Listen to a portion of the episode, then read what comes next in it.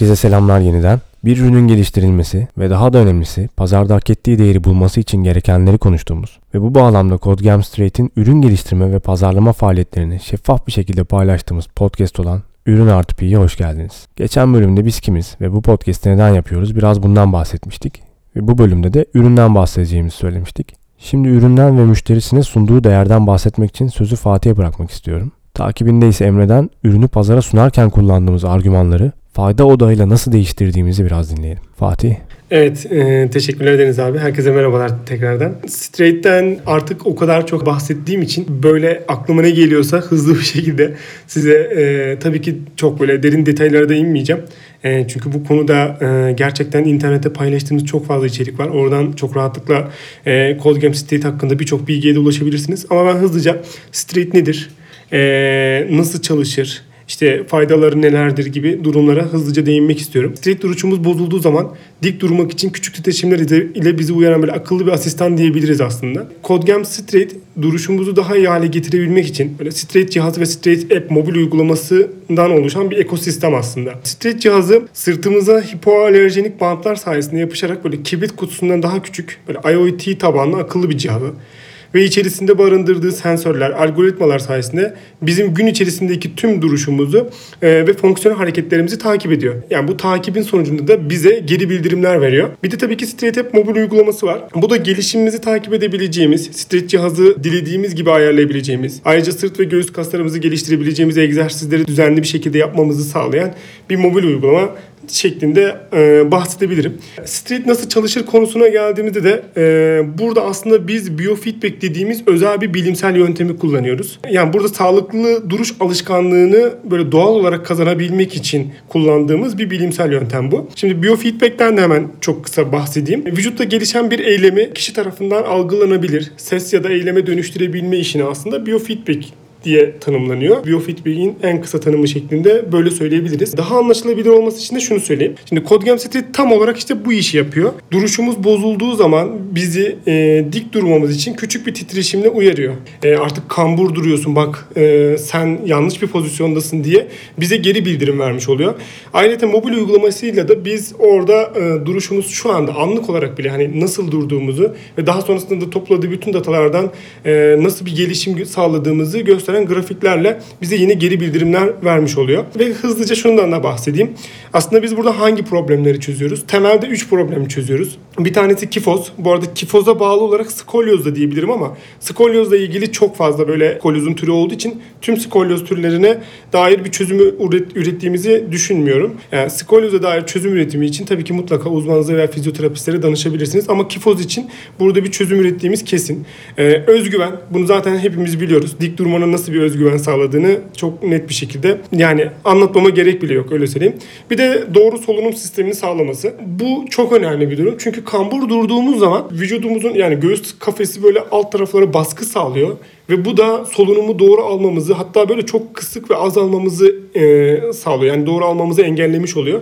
O yüzden e, solunum sistemini de yani dik durduğumuz zaman doğru solunum sistemini de sağlamış oluyoruz diye düşünüyorum. Çok teşekkürler Fatih. Çok doyurucu bir anlatım oldu. Sözü de çok güzel bir noktada bıraktın adeta podcast'imizin konusu olan noktaya gelmiş olduk. Anlattığın şeyler teknik olarak çok besleyici olsa da müşterinin satın alma dürtülerini tetikleyen şeyler değiller aslında. Tabiri caizse bu söylemlerin bir dönüştürücüye ihtiyacı var. Şimdi ölmeden bu dönüşümü neye odaklanarak ve nasıl yaptığımızı dinlemenin tam zamanı gibi. Herkese merhaba tekrardan. Şimdi bugün çok önemli bazı donelerden bahsedeceğim. Ürünün pazarlanmasıyla alakalı. Fatih abi ürünün nasıl olduğunu, onun için ürünün aslında ne ifade ettiğini anlattı.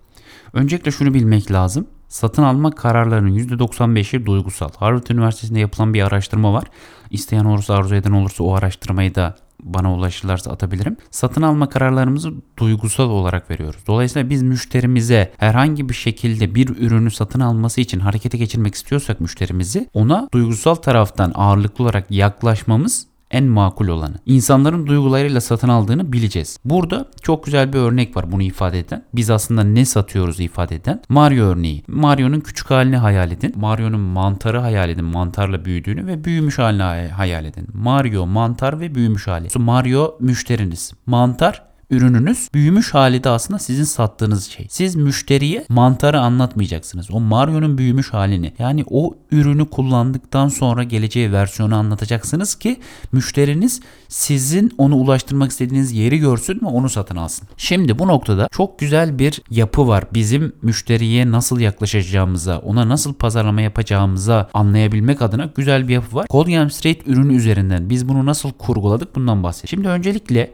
Bizim şunu bilmemiz lazım. Müşteriye yaklaşırken şu dört şeyi bunları çemberler gibi düşünebilirsiniz. Orta noktası kesişen çemberler gibi hayal edebilirsiniz. Şu dört şeyi bilmemiz lazım. Bir, müşteriyi satın alma yolculuğuna tetikleyen şeyler neler? Müşteri neden bizim ürünümüzü satın alma yolculuğuna girer ya da girebilir? İkincisi bizim bu ürünü satarak müşteriye gördürmek istediğimiz iş ne? Müşteri bizim ürünümüzle hangi işi görüyor? Üçüncüsü diğer çözümlerle yaşadığı problemler, sıkıntılar neler? Diğer çözümler, diğer kullanmaya çalıştığı çözümler ona ne vermedi? Nasıl problemler yaşadı ve dördüncüsü en nihayetinde müşterinin bu ürünü satın almaktaki arzusu ne? Temel arzusu ne? Bunları bilmemiz lazım. Şimdi bunların hepsini ayrıntılı bir şekilde bahsedeceğim. Öncelikle müşterinin satın alma yolculuğunda tetikleyecek şeyleri bilmek önemli. Nedir bu tetikleyecek şeyler? Neler olabilir? Şunlar olabilir müşteriyi hiç ürünle ilgilenmediği yerden sizin çözümünüze ilgi duyacağı şeyleri iten her şey aslında tetikleyicilerdir. Bu tetikleyiciler ne olabilir? Çevresel olabilir, mental olabilir, duygusal olabilir, biyolojik olabilir, sosyal olabilir. Mesela Fatih abi ne diyor? Ben Colgate Straight ürününü üretirken aslında dışarıdan yani bu sosyal bir tetikleyicidir aslında.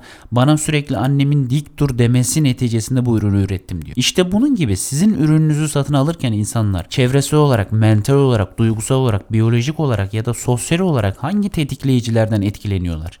Neler onları bu ürünü satın almaya itebilir? Bunları bilmeniz lazım ki müşteriye yaklaşırken de bunları kullanabilirsiniz. İkincisi müşteriye ne işi gördürüyorsunuz? Bizim mesela en nihayetinde CodeGam Straight ile müşteriye gördürdüğümüz iş ne? Bu ürünün onların sağlıklı dik bir şekilde durup hayatlarına devam edebilmesi. Yani bizim söylediğimiz bir şey var. Hayatınızı kazanırken sağlığınızı kaybetmeyin. Yani hayatlarını kazanırken sağlıklarını kaybetmemelerini sağlaması. Aslında CodeGam State ürününün müşteriye gördürdüğü iş bu. Dolayısıyla Burada müşteriye hangi işi gördürdüğünü bilmeniz o müşteriye yine yaklaşım tarzınızı belirleyecek önemli unsurlardan bir tanesi. Üçüncü olarak ne? diğer çözümlerle yaşadığı sıkıntılar neler? Mesela örnek veriyorum. Biz Code State ürününü satarken diğer çözümler neler? İşte dik duruş korsesi en önemlisi mesela. Dik duruş korsesinin sıkıntıları neler? Sürekli kullanmak için, üzerinde taşıman için ra- taşırsan rahatsız edici bir şey var. İşte sana terleme yapabilir. Sürekli onunla gezmek seni rahatsız edebilir. Kıyafetlerinin giyim tarzını etkileyebilir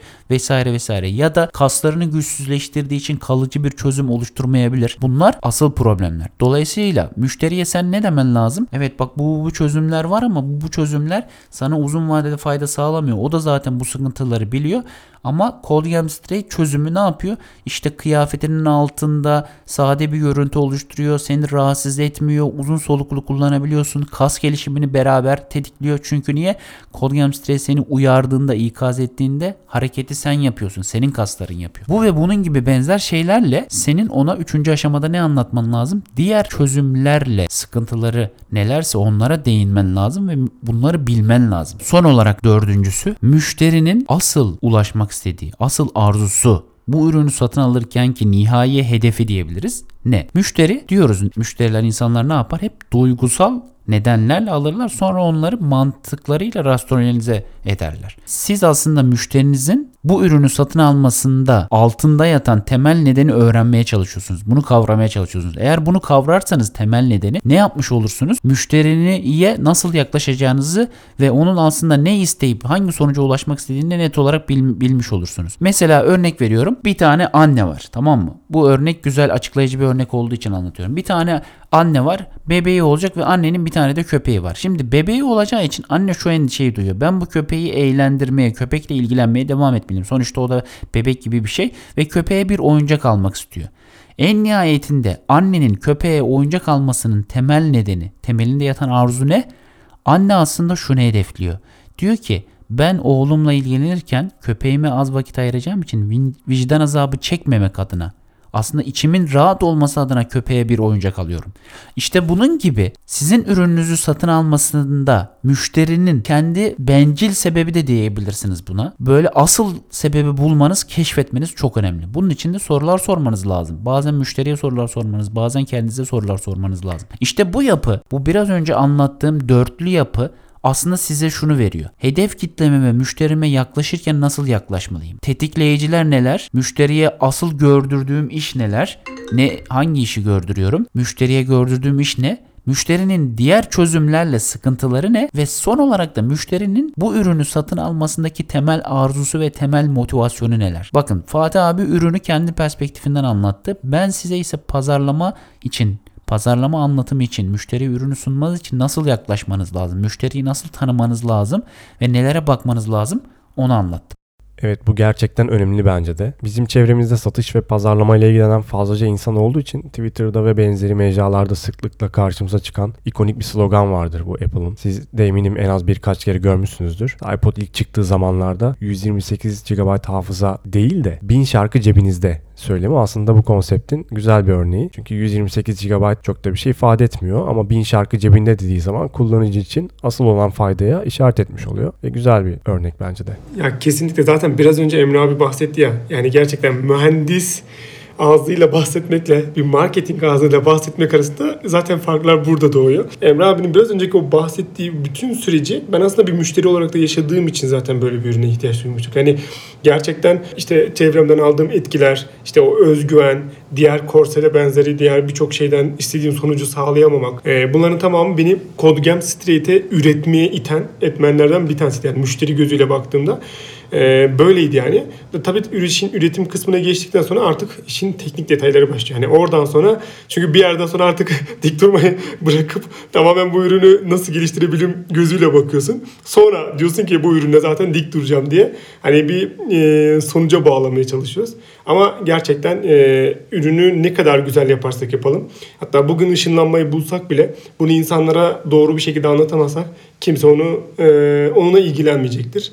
O yüzden işin marketing kısmı ki marketing kısmı ile birlikte de zaten bunu göstermek. Hani görsel, videolar, o e, resimler ne kadar çok etkili ki bence Deniz abi sen de biraz oradan bahsetmen gerektiğini düşünüyorum abi. Evet ben de bu noktada şunu ekleyecektim Emre'nin söylediklerine. Şimdi Emre'nin bahsettiği bu yol haritası oluşturulduğu zaman içerik üreticisinin işi çok kolaylaşıyor. Geriye sadece bu haritadaki şeylerin görselleştirilmesi kalıyor.